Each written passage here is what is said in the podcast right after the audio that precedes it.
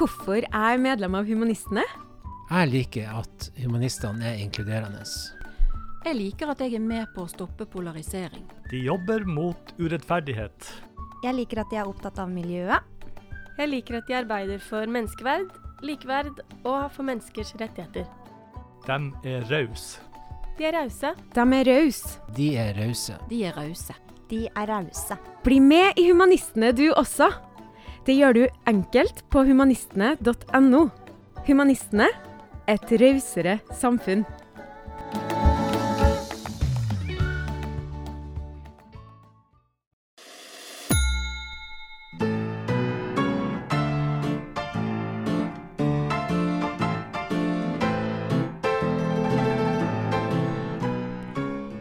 Hører på Raushetspodden, en podkast produsert av og med Humanistene.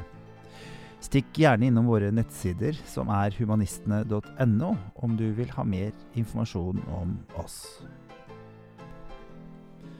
Mitt navn er Tore Petterson, og gjesten i Raushetspodden i dag snudde hele sitt trygge liv på Jar på hodet da hun hørte om alle menneskene på flukt inn til sitt andre hjemland, Hellas, i 2015. På kort tid snudde hun seg rundt og startet det som den gangen skulle være en Facebook-side for sine nærmeste venner og familie ved navnet Dråpen i havet. I dag har hun vært med å ta imot tusenvis av mennesker på øyene i Middelhavet, vært med å starte skoler, vaskeri og ellers hjulpet mennesker i nød med de mest grunnleggende behovene man har i en tøff hverdag. God fornøyelse. Da var det fredag igjen, og som vanlig så inviterer jeg spennende mennesker inn i studioet mitt. Og personen som sitter rett foran meg akkurat nå, heter Trude Jacobsen. Velkommen. Tusen takk. Du eh, fikk en eh, Altså, livet forandra seg godt eh, for snart sju år siden. Høsten var det da, så det blir ja, seks år siden. 2015. Da var det en krise. En flyktningkrise. Og du bestemte deg for at her må noe, her må noe gjøres. og gjennom det så startet du Dråpen i havet, som etter hva jeg har forstått startet litt som en sånn Facebook-gruppe først. Og så ble det større og større, og det vokste seg større og større. Og det skal vi snakke en del om. Men jeg har jo litt tradisjoner jeg må gjennom, så da vil jeg selvfølgelig starte som jeg alltid gjør, og spørre hva, er du mest, hva brenner du mest for og er mest engasjert for akkurat nå? Ja, det er jo, det er jo jobben, altså det, det, som skjer gjennom jobben min med eh, å, å, hjelpe mennesker som har måttet forlate hjemlandene sine, mennesker på flukt. Eh, jeg brenner for rettferdighet. Eh, jeg brenner for å gi folk en mulighet. Um, så det er liksom det som preger, preger livet mitt uh, hver eneste dag, og har gjort det siden jeg startet Dråpen i havet for litt over seks år siden. Jeg har lyst til å starte Det heter jo Raushetspodden, dette, så jeg vil starte der. Hva, hva er raushet for deg? Raushet for meg er, um, er, å gi av seg selv. Uh, og, og dele og inkludere. Um, og altså dele godene, på en måte. Det kan være goder kan være uh, både kjærlighet og for så vidt også fysiske ting. Men, uh, men det, det, å gi av seg selv er, uh, er raushet for min del. Mm. Hva tenker du vi kan gjøre for å bli litt rausere, sånn fra dag til dag? Ja, jeg tenker at um, det, er, det, er, liksom på flere nivåer her. For det er både sånn på personlig nivå og som nasjon. Uh, jeg tenker at på personlig nivå så kan man jo alltids uh, altså åpne øynene og se hva det folk rundt egentlig trenger. Det kan være helt i den nærmeste kretsen, eller det kan være utvidet krets. Men så er det også i forhold til um, mer på sånn på nasjonalt nivå, så tenker jeg også at raushet uh, handler om å uh, åpne grensene litt mer. Ikke, ikke være så redd for å, å ta imot mennesker som trenger hjelp. Hva slags forhold har du til grenser? Jeg er ikke så veldig glad i de, altså. Nei. Jeg må bare innrømme det. Um, jeg tenker at mennesker er mennesker, uansett hvilken side av den grensen de bor på. Mennesker har de samme behovene uansett hvor de bor. Um, så jeg, skulle egentlig ønsket det ikke var det. Mm. I 2015 så var det 800 000 flyktninger på, som, som uh, kom til Hellas. Ja. Et sted som du har litt forhold til. Du har en gresk mann. Hadde. Hadde en gresk mann. Eh, tre halvt greske eh, barn. Eller to av de, var det. Nei, tre, Nei, tre tre, av av mine fem Tre av dine fem, ja, for du har fem barn. Så det er jo ikke Ja, for der også, ikke sant. eh, Hva, jeg er jo barnløs, og jeg opplever jo kanskje at jeg ikke Jeg får ikke gjort så mye som det du, som det du får gjort, da, og bruker livet ditt til det. Men kan du bare ta meg gjennom, liksom, hva, hva skjedde med deg i 2015? Hva var det som satte det i gang? Ja, jeg har stilt meg selv det spørsmålet utrolig mange ganger, fordi jeg klarer liksom ikke helt å skjønne det selv hva det var som skjedde. Jeg hadde mitt gode, trygge liv. Ja, for du min- kommer jo fra noe helt annet. Ja, eh, med min da, min nåværende, min norske mann. Ja, ja. Far til mine yngste barn. Eh, trygt og godt hjem på Jar i Bærum. Eh, en jobb som jeg elsket. Eh, gode kollegaer, gode venner. Hadde liksom Egentlig var alt helt perfekt. Og så vet jeg ikke helt hva som skjedde, men det var altså en fredag ettermiddag eh, på slutten av sommerferien hvor eh, eh, jeg fikk et slags kall. Og jeg er ikke, jeg var, jeg er ikke religiøs, jeg, var, jeg har ikke vært det, men likevel så tenker jeg at her er det et eller annet som kommer utenfra, som har gitt meg en eller annen eh, beskjed, Mm. uten at jeg klarer å peke på hva det er. Men eh, en helt vanlig fredag ettermiddag, vi holdt på å sortere klærne til datteren min, som da var tre år, og ble litt sånn Altså den overfloden, jeg ble litt sånn uvel av den overfloden eh, etter hvert som jeg gravde meg inn i det klesskapet hennes og så at her er det jo liksom klær hun aldri har rukket å bruke engang før det har blitt for smått. Og så hadde jeg samtidig på radioen i bakgrunnen, og der var det noe så kjedelig som et debattprogram om, eh, hvor de liksom snakket om hvor, hvor mange mennesker på flukt Norge skulle ta inn de neste tre årene. Og så ble det også da nevnt at Hellas hadde fått inn 130 000 eh, i løpet av de første seks månedene av året. Så det var ikke et bilde av en død gutt på stranden eller bilde av en overfylt båt eller noe sånt som vekket meg. Det var den debatten som bare Hvor det skjedde et eller annet. Hvor jeg bare fikk en sånn voldsomt eh, behov. Jeg fikk en fysisk reaksjon, eh, faktisk. Begynte å skjelve og gråte og bare tenkte at jeg er nødt til å reise ned. Hellas er jo mitt andre hjemland. Jeg er nødt til å reise dit og se først og fremst hvordan klarer greske øybefolkningen å håndtere dette her, når Norge snakker om rike, velstående Norge snakker om vi kan klare 8000 de neste tre årene.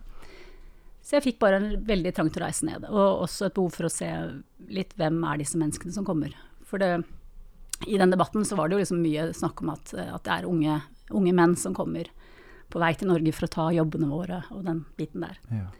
Så jeg bestemte meg der og da, eh, og når jeg bestemmer meg for noe, så, så klarer jeg ikke å slippe det. Og da vil jeg gjerne at ting skal skje litt fort. Så jeg bestemte meg for å reise ned. Jeg opprettet da samme kveld Facebook-gruppe Dråpen i havet, og det var egentlig bare ment for at mine nærmeste venner og familie kunne følge med og komme med innspill og ideer og, og litt sånn. Um, så jeg hadde ikke noen tanke om noen hjelpeorganisasjon. Men jeg uh, fikk jo veldig god respons inn i denne gruppa, og åtte dager senere så var jeg da på vei til Lesvos på, et charterfly med 14 koll i bagasje. Ja. Jeg da samlet inn klær og sko og bæreseler og forskjellig sånt som jeg hadde skjønt at de sannsynligvis trengte når de gikk i land. Er dette litt som en side vennene dine kjente av deg fra før? At du er en sånn go-getter? som Altså, setter i de kjenner nok til at jeg kan være ganske impulsiv og, og ønsker å få ting gjort når jeg bestemmer meg for noe. Um, men ikke den humanitære siden. Den, eh, den tror jeg ingen eh, helt så komme. Nei. Ikke jeg heller. Nei, ikke du heller. I um, oktober 2020 så, så var det 120 000 flyktninger. 47 av de afghanere, 19% syrere, og kanskje det som treffer meg mest, 4500 enslige barn i Moria-leiren. Det, det har, dette var jo i, i, i fjor, Ja. eh, og de var faktisk oppe i 6000-7000 enslige mindreårige barn i den leiren eh, før den brant ned. Eh, og, det var eh, Da hadde jo vi jobbet der før den brant ned, så hadde vi jobbet der de to siste årene. eh, og spesielt rettet arbeidet vårt mot de enslige mindreårige. Og det å besøke de aktivitetene og treffe de barna, det var det, det har liksom satt, satt spor som jeg tror aldri blir borte. Og det er kanskje også som mor selv å, å se Altså, jeg, jeg møtte en gutt helt ned i treårsalderen. Den dagen han kom i land helt altså, uten, uten familien sin. Eh, og det er klart, det er, eh, det er tøft å oppleve og, å se. Men det tøffeste var egentlig å se igjen den samme gutten eh, noen måneder etterpå. Hvor han fortsatt bodde i leiren. og hvor han hadde rett og slett blitt traumatisert ytterligere av å bo under sånne forhold. Ja, for det er jo jeg, jeg kan i hvert fall ikke se for meg at det er um, At det er et trygt sted. Sikkerhet og beskyttelse. Nei, altså det har, det, det har skjedd mye med leirene i Hellas eh, det siste året. De har eh, blitt eh, altså bygget om, det har kommet en del nye leire, nye typer leire som minner mer om fengsler, egentlig. Ja. ja. før så var det mer åpent. det var lite kontroll med hvem som gikk inn og ut. Det var fri adgang for menneskesmuglere, mm, folk som solgte narkotika, folk som altså, omtrent kunne gå inn og ta med seg et barn. Ja. Eh, nå er det blitt eh, en helt annen type kontroll, så på en måte har det kanskje blitt sikrere. Men samtidig er det noe med at disse menneskene som bor i de leirene nå, bor der i veldig lang tid. Måneder, kanskje år. Under forhold som minner om fengsler. Og det, det setter jo også eh, arr eh, i sjelen på disse menneskene som har med seg traumer allerede, og, og som egentlig Det de trenger, er å komme til et trygt sted hvor de kan begynne å bearbeide det de har med seg i bagasjen. Ja. Det dere gjør, har vært eh, veldig praktisk. Det er kanskje ikke så lett å gjøre så veldig mye annet. Sørge for lek for barna. Sørge for kanskje litt varme tepper. Altså, ja, jeg vet at dere er i, har vært i gang med å lage et, eh, et vaskeri eh, for å få vasket klærne til folk. Mm. Det er jo litt sånn hygiene Ja, ja det, er, det er mye praktisk eh, arbeid det vi gjør. eh, og det handler litt om hele, hele måten vi på en måte er satt sammen på. Vi har jo hjelpearbeidere som kommer fra hele verden. Vi har hatt eh, ja, nærmer seg 8000 hjelpearbeidere fra 70 land disse årene her. Eh, og mange av de er, eh, har erfaring fra humanitært arbeid. Mange har også første, første gang de er ute i felt og opplever dette her. Eh, så vi gjør en del praktiske, praktiske oppgaver som, man, måte, som det er lett å komme inn i. eh, som man ikke trenger en lang utdanning for å gjennomføre. Vi driver ikke med, med psykologisk eh, bistand eller medisinsk bistand eller sånne ting. Det er også store behov for det, men vi eh, fokuserer på andre. Det finnes, men det er, eh, tilbudene er ofte ikke tilstrekkelig eh, og ikke gode nok. For det er vel litt språkbarriere kanskje her også? Eh, ja, det, det er det. Nå er det veldig mange som, altså, som tolker av de, de menneskene på flukt som har kommet over, som også jobber eh, og bistår organisasjonene med, med tolking. Men, eh, men det er klart sånn psykisk bistand eh, er det ikke så lett å sette i gang med mens folk fortsatt er i en sånn flight-modus eh, i kroppen. Så derfor har vi valgt å fokusere på praktiske ting. Og det med vaskeri f.eks., der vasker vi da eh, klær for alle innbyggerne i leiren på Lesvos, som ikke lenger heter Moria, men den heter nå Karatepe. Ja. Um, for den ble jo flyttet etter brannen. Eh, Så alle, alle får vasket klærne sine. Og det hø høres veldig sånn Kanskje jeg kan ikke gjøre det selv og sånn, men de har ikke tilgang på nok vann og varmt Nei, vann. For dere kunne ikke åpne den i leiren, for der er det jo ikke, der er det ikke vann. Nei, det er Nei. ikke infrastruktur. For denne leiren ble bygget for å være midlertidig. Eh, midlertidig, og den kom jo opp for litt over et år siden. Og den kommer til å bli der midlertidig en god stund til. Så vi, det vi gjør er at vi samler inn eh, klær, eh, de som ønsker å få vasket klær. Og så tar vi det ut til et profesjonelt vaskeri og får vasket det også med, med bruk av en del spesialmidler som tar bort skabb, blant annet. For det, Ja, er, en, skabb har vært et det er et stort problem. Så, så det hjelper på en måte ikke bare å skylle det opp i kaldt vann. Um, så det, det er en veldig viktig det er en veldig viktig tjeneste, og eh, noe de setter veldig stor pris på. Um, jeg husker jeg var i den leiren for første gang like etter at den åpnet, og da så jeg mødrene vaske klærne til barna i saltvann. Ja. For den ligger jo rett ved, ved sjøen. Så det, bare tenk hvor stive klær blir når du har vært Ja, i saltvann. Det er, um, ja.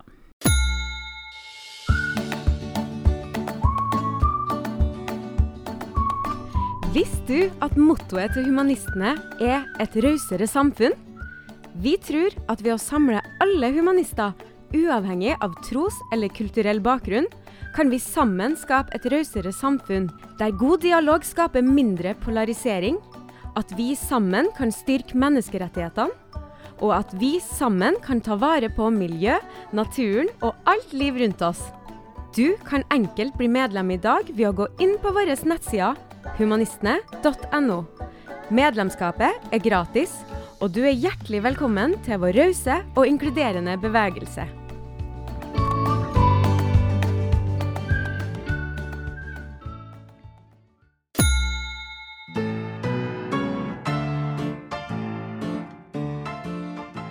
Du står på stranda, du tar imot eh, mennesker, desperate mennesker, og du vet jo den debatten som foregår her. Jeg tar den diskusjonen personlig. Hva skjer med deg? Jeg tenker at eh, jeg- fikk et, et voldsomt behov for å finne ut mer om Altså ikke bare tallene, for det var så mye snakk om tall. Alt var bare tall. Eh, men det å finne ut hvem er menneskene? Eh, hvem er de? Hva flykter de fra? Hvilke behov har de? Så, så det var liksom det første. Og så når jeg da reiser ned og står på strendene de første dagene jeg er på Lesvos, helt alene, tar imot båter. Var, vi var åtte-ni tilfeldige personer, noen fastboende, som kjørte rundt og, og hjalp til. Men da fikk jeg liksom det første møtet med menneskene. Og, og møtte Den tiden var det jo i all hovedsak fra Syria, direkte fra krigen der, de som kom over.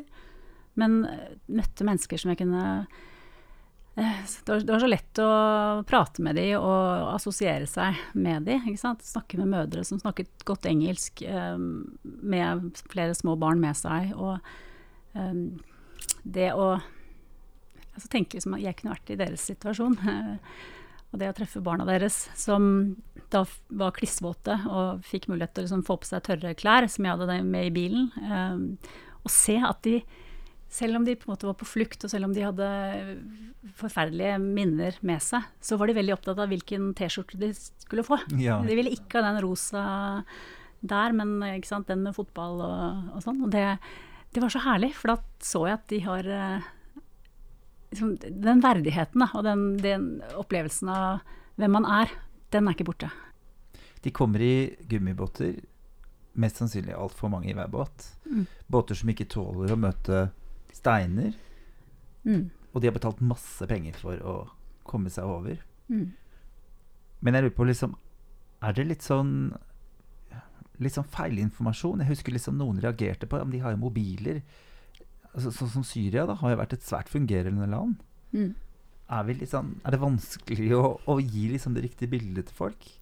At det er, det er meg og deg i en forferdelig vanskelig situasjon? Ja, altså jeg tenker det, det, og det var jo en kritikk som, eh, som jeg har sett flere ganger, det at de har iPhone, og de har eh, til og med noen har sånn selfiestang med seg. Og, Um, og, og noen av de som kom til Norge over Storskog, de ble, der ble det jo kritisert fordi de fikk uh, dunjakker. Ja. Ikke sant? Det er sånn, uh, men dette med mobiltelefon, tenk deg når du må forlate absolutt alt du eier. Uh, du vet du skal legge ut på en, en flukt gjennom ukjente områder. Eneste måten du har å holde kontakt med, med familie, de man kjenner, eh, er jo den telefonen. Det er der man har alle dokumenter. Det er der man har bilder av huset man en gang eide. Eh, altså, hva, hva ville, alle ville tatt med seg det, hvis de skulle velge én ting. Det tror jeg faktisk. Det er liksom det, hjelpemiddelet man trenger for å kunne klare å komme seg fremover. Um, så ja, jeg tenker at uh, det, det blir en diskusjon som på en måte blir litt sånn for dum når folk begynner å kritisere, kritisere sånne, sånne ting som det. Som at, Mm. som at de har mobiltelefon. Mm. Tror du det er fordi vi ikke orker å ta det inn? Tror du, tror det er noen som bare lokker liksom huet for, for den realiteten de lever i? Jeg tror kanskje det gir et litt sånn feil bilde av det mange ønsker å ha av mennesker på flukt. Ja. Jeg kaller det ikke flyktninger, jeg kaller det mennesker på flukt. Ja. Um, fordi man vil helst se de som skitne, litt avmagret sant? De skal være noe annet enn en oss. Ja. Det skal være vi og de. Skille, skille Ja, fra Og så ser man på en måte mennesker som på mange måter ligner på oss, og da tror jeg det blir vanskelig for folk å ta inn over seg. Det kan være det, at, eh, at det blir for nært, og at mange da ja, ikke åpner opp for å faktisk innse at, at, at altså de, er, de er som oss. Det, er, det er mennesker som er ute etter det vi er ute etter, et trygt og godt liv. Eh, Lykkejegere, det er vi alle. Vi søker alle etter eh, mer lykke i livene våre. Så, så vi er like. Mm. Jeg tenker Det er mye fokus på kvinner og barn. Um, og så opplever jeg ofte når jeg leser om det, sånn at mennene er liksom lykkejegerne. Mens kvinnene og barna må vi Men jeg syns det er fint at du sier det. det er jo, vi er lykkejegere alle sammen. Ja. Søker jo noe som er bedre. Det er derfor vi utdanner oss. Det er derfor vi hele tiden søker nye jobber. liksom. Mm. Vi Ja. ønsker noe som er finere enn det vi har. Mm. Hvor mange er det i leiren nå? Eh, vi jobber jo i fire forskjellige leirer i Hellas og to leirer i, eh, i Bosnia-Hercegovina. Um, den leiren på Lesvos som da får mest oppmerksomhet, der er det nå litt over 3000. Så det er klart det er en veldig stor endring. Eh, det var, da jeg var der i januar 2020, så var det 22 000 Ja. i den gamle Moria. Så det er jo um, mange som da har kommet seg videre inn til fastlandet. Eh, det er også en god del som da har kommet seg videre til andre steder i Europa, sånn som Bosnia-Hercegovina. Og de kommer seg jo ikke dit på lovlig vis. Det er jo nok en gang ved hjelp av menneskesmuglere som gjør at de kommer videre. Så, men mange av de som sendes inn til fastlandet, har jo da endt opp på, på gata i, i Aten. Så det er liksom de som får asyl, de er overlatt helt til seg selv. Så det er ikke snakk om å få noe statlig leilighet eller hjelp til å overleve. Um, så så de, de står på bar bakke og må, må klare seg helt alene. Jeg hørte i en pod du snakket om en 15 år gammel gutt som hadde en mor som bodde i Norge. Som er jeg syns det var en veldig fin historie. Um, du møtte han i, I, uh, i Wien. i Wien, ja. Mm. For det som har fascinert meg med det, for han var um, uh, Han hadde kommet seg til Nå må jeg huske hvor det var, da husker jeg selvfølgelig ikke nå. Men du sa i hvert fall tre dager etterpå, så var han i Wien. Mm. Så det må jo ha vært en veldig reise, da. Hvordan, hvordan For du hører jo historier at de kom seg gjennom der, og de reiste gjennom sånn, og de kom seg dit. Ja. Men vi vet veldig lite om hva er det den reisen innebærer. Hva handler det om? Du sa i det intervjuet jeg hørte at han gikk. Ja, det var Altså på den tiden, da var det jo Det her var oktober eh, September-oktober 2015. Eh, og det var jo en kombinasjon altså Det var busser, det var tog, det var transportmidler på noen av strekningene, men det var også lange strekninger til fots gjennom hele Europa. Eh, og denne gutten kom i land på, på Lesvos og møtte da noen av, av våre hjelpearbeidere eh, og hørte at de snakket norsk. Og han snakket litt norsk og hadde bodd i Norge. Eh, og og de ringte meg og spurte hva gjør For det var en helt ny situasjon. Vi hadde jo nettopp startet opp, og, og, alt vi gjorde var jo læring hele tiden. Men uh, ringte meg og spurte hva gjør vi, og avtalte da at, at vi skulle sett prøve å få han til å stille opp på ambassaden, norske ambassaden i Aten. Fordi han hadde en mor som da var norsk statsborger. Og han hadde jo selv bodd i Norge tidligere. Um, men hadde ikke sett moren sin da på flere år. Og så kommer han etter hvert eh, Han blir utstyrt med en mobiltelefon og SIM-kort og noen penger fra teamet vårt. Og kommer seg inn til eh, Aten, til ambassaden. Og så ringer han Da dro jeg på besøk til moren og var hos henne. Og så ringer han etter noen timer eh, og sier at ambassaden ikke kunne hjelpe. Så han hadde fått en lapp med adresse til noe barnehjem i Aten som han kunne dra til. Ja, fy fader. Så det var, et, det var liksom et, et sjokk. eh, sjokk for min del. Mm. Å se at man bare kan Fullstendig sette ansvarsfraskrivelse. Ja. Um, så, så han bestemte seg jo for at han ikke skulle på noe barnehjem i Aten, og, og gjenopptok liksom flukten da på veien til Norge. Men så var han Han var jo redd innimellom, og, og særlig Uh, Han ringte meg en, da han kom til Serbia, uh, og ringte meg og gråt og var eh, helt, helt fra seg. Da hadde han blitt banka opp og um, ja, så på fortau. Og, og, da, og da, det var da jeg sa til ham hvis du klarer å komme deg til Wien, så skal jeg komme og møte deg der. Ja, ja. Bare for å ha liksom et eller annet å se fram til, eller et Mm, mm. ja. Eh, Så tok det tre dager, og så ringte han fra Wien. Og da var det jo Jeg måtte jo holde det løftet, så jeg møtte han der. Og så etter hvert så kom han seg til Norge. Eh, Det gjorde han. Som om ting ikke var vanskelig nok, så eh, kommer det en pandemi. Mm. Ja. Eh, som for kanskje disse menneskene kunne ikke kommet på et dårligere tidspunkt. Og dere måtte trekke alle deres folk ut. Ja, det stemmer. Vi, vi hadde en uh, Før pandemien så hadde vi faktisk uh, noen episoder som var uh, ganske heavy. Det var en oppblomstring av et høyreekstremt eh, miljø i Hellas. Og, og de brukte spesielt disse greske øyene, der det var mange flyktninger og, og hjelpeorganisasjoner, til å rett og slett utøve vold. Så vi Hvor var disse folka fra? du, det var eh, selvfølgelig noen lokale ikke, altså De flest, aller fleste lokale øyboerne er utrolig gjestfrie og hjelpsomme og gjør ingen skade. Men det, er, det hadde bygget seg opp en misnøye på, på øyene. Fordi, og jeg kan på en måte forstå det etter å ha hatt disse flyktningleirene så tett inn på nabolaget sitt i, i mange år, og sett at Europa ikke eh, hjelper til. Så misnøye hadde oppblomstret der. Men så var det også tilreisende fra hele Hellas, men, og også fra resten av Europa. Så det var rett og slett eh, altså nynazister fra Tyskland og Østerrike bl.a. som eh, ble observert på, på Lesvos i den perioden. Eh, og jeg leste også en del kommentarfelt fra nordmenn som da var på vei for å hjelpe dette ja. høyreekstreme miljøet. Så de så det som en arena for å eh, ja, vise sin, sin uh, misnøye. Eh, så vi opplevde, og en del andre hjelpeorganisasjoner opplevde rett og slett eh, angrep mot våre folk. Eh, og vi hadde folk som måtte søke tilflukt inne i Moria-leiren. Ak akkurat da var det det tryggeste stedet. Ja, ikke sant. Og vi hadde et par sånne episoder, og mange andre organisasjoner opplevde det samme. Så vi valgte å evakuere våre folk bort fra øya en periode, til det roet seg litt ned. Og så kom vi tilbake et par uker etterpå, etter å ha gjennomført møter både med politisjef og ordfører og, og sånne ting. Um, og skulle gjenoppta arbeidet, og så kom pandemien. Ja. Da var det jo så usikkert uh, alle steder i Europa. På, liksom, hva betyr dette her, hvor farlig er det, hva vil, hva vil, skje, vil man kunne reise hjem i det hele tatt? De fleste var jo der da på kortere oppdrag, kanskje tre-fire-fem ukers oppdrag. Og um, skulle jo hjem, hadde jo kanskje en familie eller en jobb de skulle hjem til. Så vi bestemte oss da for at vi beholdt et lite kjerneteam av folk som vi visste kunne være lenge hvis de ble stuck. Eh, og så ba vi alle andre reise hjem. Så, og så ble jo leirene også stengt for de fleste hjelpeorganisasjoner i, i den perioden. Eh, Hellas innførte port, portforbud. Så det var liksom ikke så mye vi kunne gjøre inni leirene uansett. Men vi fikk ved hjelp av det kjerneteamet videreført bl.a. distribusjon av eh, det de trengte av bleier og klær og sånne type ting. Da samarbeidet vi tett med flyktningene inni leiren, som da gjennomførte selve distribusjonen.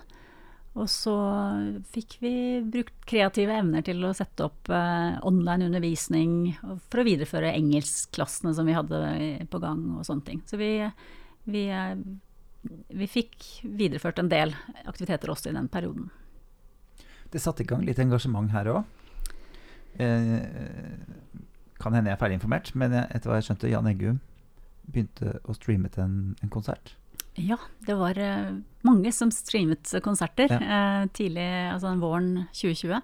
Og det var, det var, så utrolig gøy å se det initiativet som kom fra, spesielt fra artistverden, som selv altså, led helt vanvittig under dette her og måtte avlyse absolutt alt av konserter og arrangementer de hadde planer om. Mm. Og se at de likevel fikk på plass noe, men gjorde det for andre det syns jeg var utrolig, utrolig rørende. Uh, vi hadde bl.a. en konsert uh, på langfredag 2020 med Trygve Skau på det um, gamle Deichmanske bibliotek. Ja. Uh, det var en helt, helt, magisk opplevelse. Jeg fikk lov til å være til stede. Var bare, det var ikke mange som var der. Det var jo teknikere og noen musikere. Mm. Men, men det, var, det var, helt, helt fantastisk å se.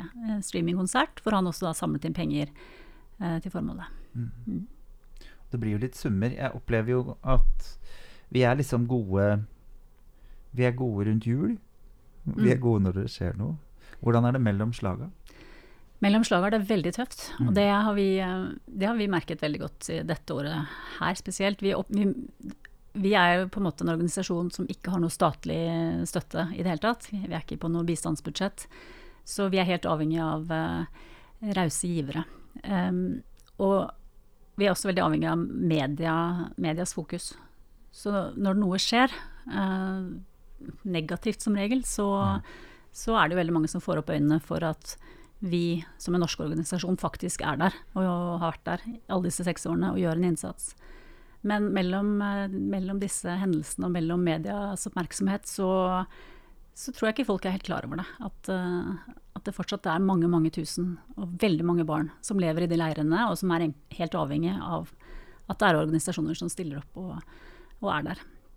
Så vi har merket det godt i år eh, på inntektssiden. Um, det har vært lite, lite, fokus på situasjonen, men behovene er absolutt eh, like store. Så ja. Mm. Krisen er liksom like stor, men eh, Går det an å bli fastgiver f.eks.? Ja, det gjør det. Det Mm. går an å bli fastgiver, og det er vi veldig, veldig takknemlige for. Alle som ønsker å bidra med 200 kroner i måneden. Det gir oss forutsigbarhet. Det gir oss mulighet til å planlegge arbeidet fremover. Eh, og, så det er flere måter å gjøre det på. Og jeg vil anbefale alle som kunne tenke seg det, å gå inn på nettsiden dråpenihavet.no og finne den måten som passer for å hjelpe. Og det går jo også an å reise ut i felt hvis man har, har fire uker tilgjengelig eh, og, og, og har lyst til å hjelpe til. Vi, vi driver med veldig mye forskjellig. Vi har aktiviteter for barn, vi har dette vaskeriet. Vi har eh, undervisningsopplegg, workshops, distribusjon. Det er, det er mye forskjellig. Mm. Ja, hvordan er det f.eks. Ja, koronaen har jo vært eh, vanskelig. Innsamling av klær, f.eks. Det er kanskje litt Litt vanskelig nå? Ja, og vi driver ikke med innsamling av klær i Norge heller, fordi vi gjorde det helt i starten. Da hadde vi eh, et stort lager og, og sendte av gårde tre semitrailere med sortert utstyr. Men vi har innsett at det er altså, Vi ønsker å støtte lokalt næringsliv. Så vi ønsker å handle inn lokalt eh, når vi trenger å kjøpe nytt, nytt. Og så får vi en god del eh, veldig bra second hand også i Hellas. Ja. Eh, eller tilsendt fra andre EU-land, for da er det mye lettere med import og billigere i, enn der å sende fra Norge. Ja. Så å sende fra Norge blir på en måte for mye logistikk og for store kostnader. Ja, gi penger. eh, bli med på turen og reisen eh, hvis det kjennes ut som et kall. Jeg Mm. tenker at det kan gi livet et, et lag til av mening. For Ja, de som kjenner på det. Er det. Opplever du det som trygt? Ja, jeg opplever det som trygt. Uh, og vi opererer jo, det er som en forutsetning for vårt arbeid, at det skal være trygt. Uh, så, så absolutt. Vi har ganske gode rutiner også når det gjelder beredskap, og uh, er forberedt på det. Men vi har sjelden eh, hendelser som oppleves som skumle. Mm. Så, sånn som det er nå, så er det også veldig høy sikkerhet inni leirene. Sånn at uh, største risikoen, tenker jeg nå, med de som reiser er jo mer eh, trafikken og altså sånne typer risiko som man utsetter seg for hvis man reiser på ferie til Hellas eh, Ja, også. ja. Mm, Helt vanlig. ja. En annen ting. Spre det til politiske mm, Altså politikere du kjenner, tenker jeg kan være også fint. Mm. Bare Gjør de litt sånn klar over at det fremdeles er et problem. Og følg Dråpen i havet på Facebook. Der regner jeg med det legges ut informasjon. Mm. Um, jeg følger dere jo selv, så jeg får jo med meg en del. Men det blir jo ofte litt sånn borti alt det andre. Men um, spre kunnskapen. Ja, spre kunnskapen. Og så tenker jeg jeg vil spesielt oppfordre bedrifter til å gjøre en innsats. Fordi Ja. her tenker jeg at man har en stor mulighet til å liksom, direkte påvirke. Eh, så bedrifter som ønsker å, å gjøre noe, få, få engasjere medarbeiderne sine i en sak som er ganske tett på, hvor de ansatte for så vidt også har muligheten til å reise ned selv og, og se hvordan eh, pengene blir brukt. Eh, Jeg tenker Det er en kjempe, kjempemulighet. Så vi vil gjerne ha flere bedrifter som kan, eh, kan hjelpe til. Eh, Gi julegaven til Dråpen i i havet i år. Eh, De ansatte trenger ikke en ny kaffekopp. Nei. Så, så det, det syns jeg kanskje at man kan ta med sjefen sin og høre om det kan være en idé. Ja, for det er jo litt sånn Det er jo, et, eh, det er jo fortsatt et stort problem, som du sier. Men, og det er jo ingen europeiske land som virker til å være veldig gira på å ta over den jobben Hellas Jeg vet ikke om de har valgt å ta den, men de har nå i hvert fall fått den, da. Ja, de har fått den, og de har ikke valgt eller ønsket å være i den situasjonen. Når resten av Europa stengte landene sine og bygde murer og høye gjerder, så, så var Hellas i den posisjonen fordi de er geografisk der de er. Eh, og jeg vet jo at, eh, at de er ganske skuffet over eh, mange land i Europa, deriblant Norge. Og, og vi så det veldig tydelig etter eh, brannen i Moria, der eh, Norge etter mye press gikk med på å ta inn 50 mennesker fra, um, fra Hellas. Da. De kom jo ikke fra Moria for så vidt heller. Men, uh, men, men det var sånn Jeg snakket med Jeg kjenner en gresk en politiker i Hellas, og han, han sa de kunne like gjerne bare latt være. Det ble Ja, bare flaut. ja. Mens andre land stilte jo opp i mye større grad, og fikk også evakuert en del folk eh, mye raskere. Eh, Deriblant Tyskland vil jeg si har gjort en, eh, en formidabel innsats, sammenlignet med de andre landene i Europa. Mm. Ja, nei, jeg reiser jo mye rundt i dette landet vårt. Da. Det er jo utrolig vakkert, dette landet vårt. Eh, men jeg må jo få lov å si at er det noe vi har nok av, så er det jo plass. Eh, å kjøre bil gjennom dette landet, da er det det er mest ikke noe. Det er det. Hvis man kan kalle det natur det. Jeg er ikke noe naturentusiast. Eh, men vi har både plass og vi har penger til det. Og vi har masse nedlagte Ja. bygninger også, som ikke er i bruk eh, lenger mange steder. Mm. Så vi burde ha muligheten og forutsetningene for å kanskje gjøre litt mer enn det vi gjør. Mm. Du er raus, og du gir av deg sjøl til mennesker som er i en vanvittig vanskelig livssituasjon. Er du like raus mot deg sjøl? Nei. jeg, nei, jeg, har nok, eh, jeg er nok ikke det. Og jeg, kjent, jeg er ikke så veldig flink til å til hva skal jeg si, gjøre ting for, meg, sånn, bare for meg selv. Men det, men, men det er kanskje henger litt sammen med stor familie og, og ja, aktiv jobb og alt mulig. Men jeg trives jo med det aktive livet, og jeg har ikke sånn voldsomme behov for å, for å gjøre så mye for meg selv heller, egentlig.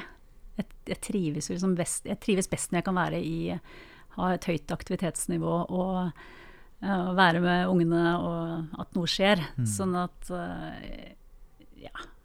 Tenker, jeg er jo på en måte raus med meg selv så lenge jeg gjør det jeg liker å holde på med. Mm. Og det gjør jeg absolutt. Jeg liker jo å være med på å skape noe uh, sammen med alle de andre som har vært med på å bygge opp Dråpen i havet. Det, jo, det har jo vært en helt fantastisk spennende reise. Én ting er at man får hjulpet og gjort mye, men, men det å være med å bygge opp noe fra start har jo vært veldig lærerikt. Men jeg, kjent, jeg, kjenner jo på at arbeidspresset har vært ekstremt høyt, så jeg gikk jo på en skikkelig smell i, i våres og, og, ble utbrent og fikk nok um, reaksjoner uh, som hadde samlet seg opp gjennom mange år. Jeg satt uh, ti, uker og, ti uker og gråt, følte jeg. Ja. så det, det tenk, nå tenker jeg på det som, som en, en, gave at jeg fikk den reaksjonen. At jeg at jeg på en måte kroppen sa fra, presset meg til å roe ned og fordøye litt.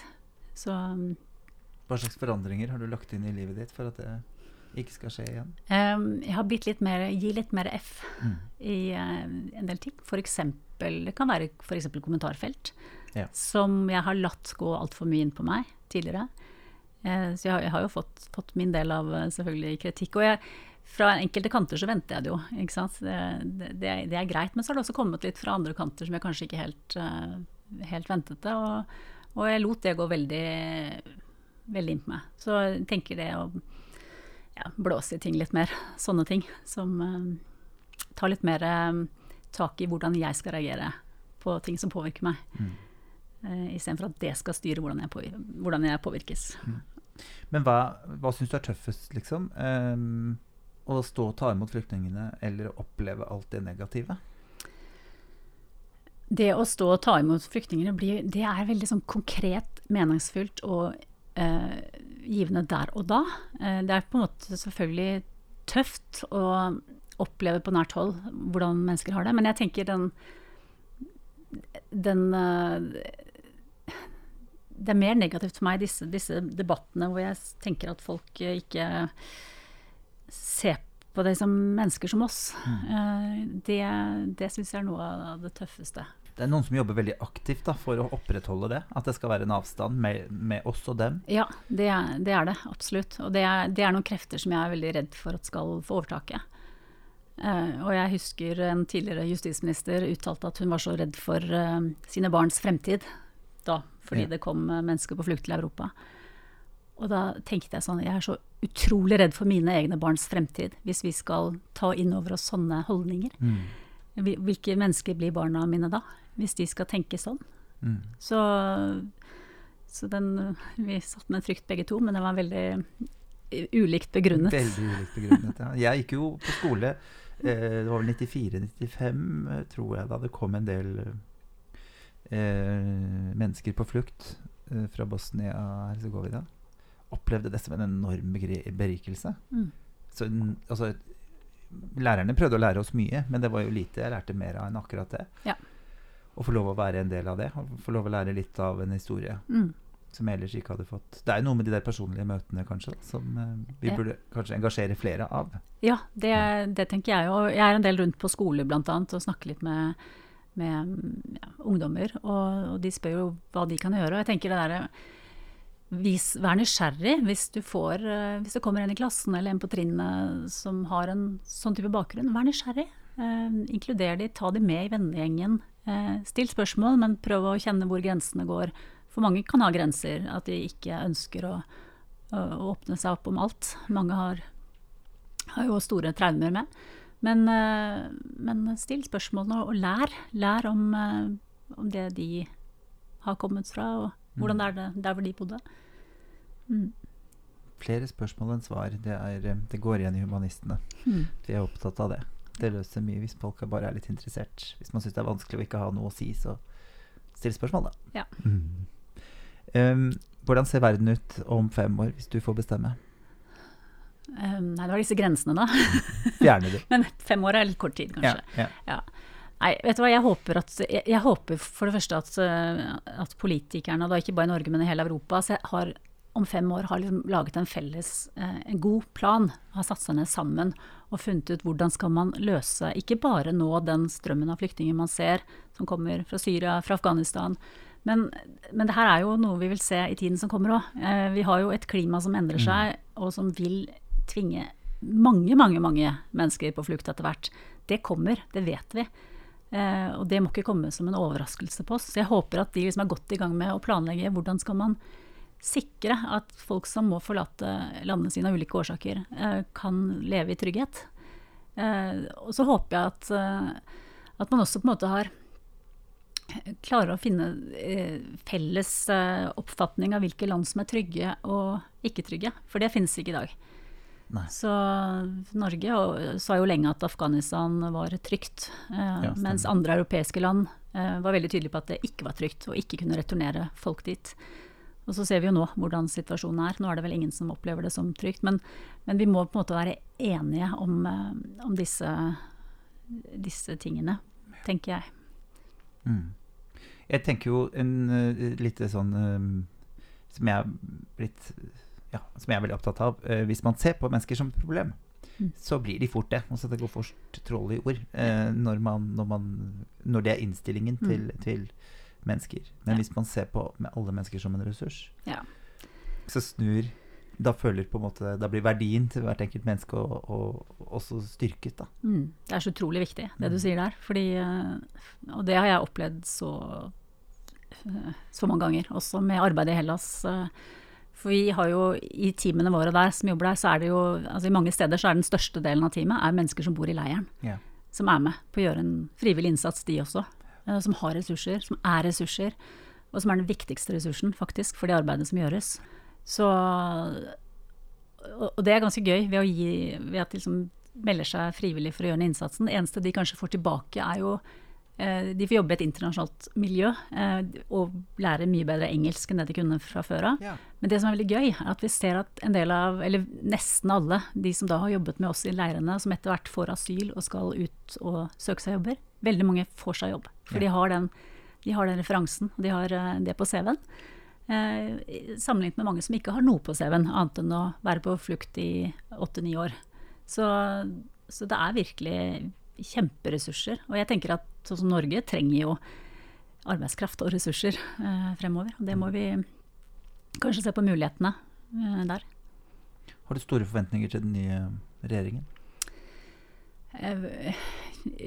Egentlig ikke. Jeg hadde, jeg hadde håpet, eh, jeg håpet det. Jeg, er glad for at det ble et skifte, eh, og at det blir muligheter for å, å få gjort mer. Men eh, jeg må innrømme at jeg er, jeg er fortsatt litt avventende og litt, litt skeptisk. Så vi, jeg ønsker å se handling, og raskt. Men jeg tror jo kanskje innenfor dette feltet så har det vel ikke meldt som veldig store, store endringer heller. Dessverre. Nei. Nei. Eh, slutt med skillet mellom mennesker. Et menneske er et menneske. Jeg tenker at eh, hvordan ville ja, hvordan ville verden sett ut om vi plutselig var på flukt? Ikke sant? Ville det- de tatt oss imot, tror du? Tror du de ville åpnet dørene sine? Men der kommer jo Norge. De har jo vært så bra mot oss. Ja, så jeg tenker Hvorfor skulle de ikke stoppa døren for oss når de stopper døren for andre? Jeg, jeg tror det ville blitt vanskelig eh, for nordmenn også, i, i store flokker, og nå eh, prøve å komme seg til andre, andre land. For det er på en måte sånn verden har blitt. Men eh, Det er litt, det er litt sånn morsomt når man setter, setter i perspektiv med, med, nordmenn også. fordi jeg oppdaget jo etter at jeg begynte å jobbe med dette her, at, uh, at min farfar var jo flyktning. Ja. Ja, og min farmor, eh, da under andre verdenskrig. Ja. Motstandsmann uh, som var satt i fangeleir på Falstad uh, i et år, og kom seg ut på en eller annen måte som ingen helt har skjønt, hvordan han kom seg ut der. Og, og flyktet til Sverige og, og, levde i en flyktningleir der. Og når jeg begynte å grave litt mer i dette her, så har jeg også funnet ut at, at, min eh, far, som er deres første barn, ble faktisk unnfanget på flukt. For jeg får ofte spørsmål, ja, ja. også sånn spørsmål fra folk liksom, hvorfor får de barn, da? For det er masse spedbarn, og mange har småbarn og sånt, som da tydeligvis har blitt født mens de er på flukt. Så hvorfor får de barn når det er en sånn situasjon? Er det mange som spør meg. Mm. Og så tenker jeg, tenker jeg på mine besteforeldre, som som faktisk, altså Min far, da, som ble unnfanget uh, mens mine besteforeldre var på flukt. Så det, ja, det setter ting litt sånn i perspektiv. Men uh, vi nordmenn har jo vært der. Vi har mm. hatt de samme behovene for å bli tatt imot og få hjelp. Og for å få mat og for å få klær. Mm. Uh, og det kan skje igjen. Det er jo ikke noe garanti for at ikke det skjer igjen. Nei, det jobbes hardt med etterretning ennå, så det er jo ja. Og så var det, tenker jeg jo um, ja, Det trenges jo et skifte uh, i, tan i, tankesett, tenker jeg. på en måte. Det var vel Bill Gates som holdt et foredrag i 2015 om at nå må vi ruste opp sykehusene. Det er det viktigste vi gjør nå. Den formen for krig vi kommer til å møte nå, handler mest sannsynlig ikke nødvendigvis om religion eller konflikt, men at det kommer noe som utfordrer oss. Så kanskje på tide at vi lytter litt og lærer litt av historien. Mm. Det var vel Kim Friele som sa et folk uten historie er et folk uten fremtid. Mm. For kun ved å kunne vår historie, så kan vi lære av våre feil og gjøre det bedre. Ja. Mm. Det er godt sagt. Mm. Vi skal avslutte med å trekke en lapp. Vi har jo disse verdiordene som humanistene mm, jobber ut ifra, eh, og som er veldig viktige for oss. Og det er sånn spennende, syns jeg, siden mye av dette du får lov å snakke om, er jo ting du har snakket om uh, ganske mange ganger før. Så jeg vil at du skal trekke én sånn lapp okay. fra den rosa Ikea-skåla vår, og så bare si det første som faller ned i hodet ditt når du ser det. Ansvar. Ja. Ansvar. Mm. Ansvar, Det første som jeg tenker på, det er, er, er noe vi alle har for å, for å, gjøre dagen bedre, for å gjøre verden bedre, for å gjøre hverandre gode. Jeg tenker at, at det med ansvar, det er veldig mange som dytter det bare over på andre. Det kan også være arbeidsmiljø. ikke sant? Nei, det er så dårlig arbeidsmiljø, kan du fikse det? ikke sant? Så, så det, det, er det som første som, som jeg tenker på. Eh, vårt, det som vi selv har inni oss eh, for å påvirke og for å, for å, skape det vi ønsker skal mm. uh, skapes. Mm. Herlig. Trude Jacobsen, takk for at du er deg. Og takk for at du hørte på din egen kropp og din egen ja, ditt eget innfall. Takk for at du er impulsiv og plutselig startet en så viktig organisasjon som Dråpen i havet. Vi trenger flere som deg, og det kan alle bli. Gå inn på dråpenihavet.no, følg dem på Facebook og del viktig informasjon. Og bli fast giver. Jeg tenker Det er det minste vi kan gjøre, i hvert fall for oss som uh, har forholdsvis jevn økonomi. At vi kan spytte inn litt, så de i hvert fall får litt bleier og litt mat. Mm. Tusen takk for at du kom. Takk for at jeg fikk komme. Du har hørt på Raushetspodden. Mitt navn er Tore Petterson. Hvis du vil vite mer om humanistene, så kan du gå inn på humanistene.no. Jeg vil gjerne informere om at du kan gå inn på dråpenihavet.no for mer informasjon for å hjelpe til, eller du kan eh, gå inn på mobiltelefonen din, inn på Vipsen, bruke Vips 10584 og gi et bidrag fast eller et beløp i dag. Håper du får en fin helg. Takk for at du hørte på.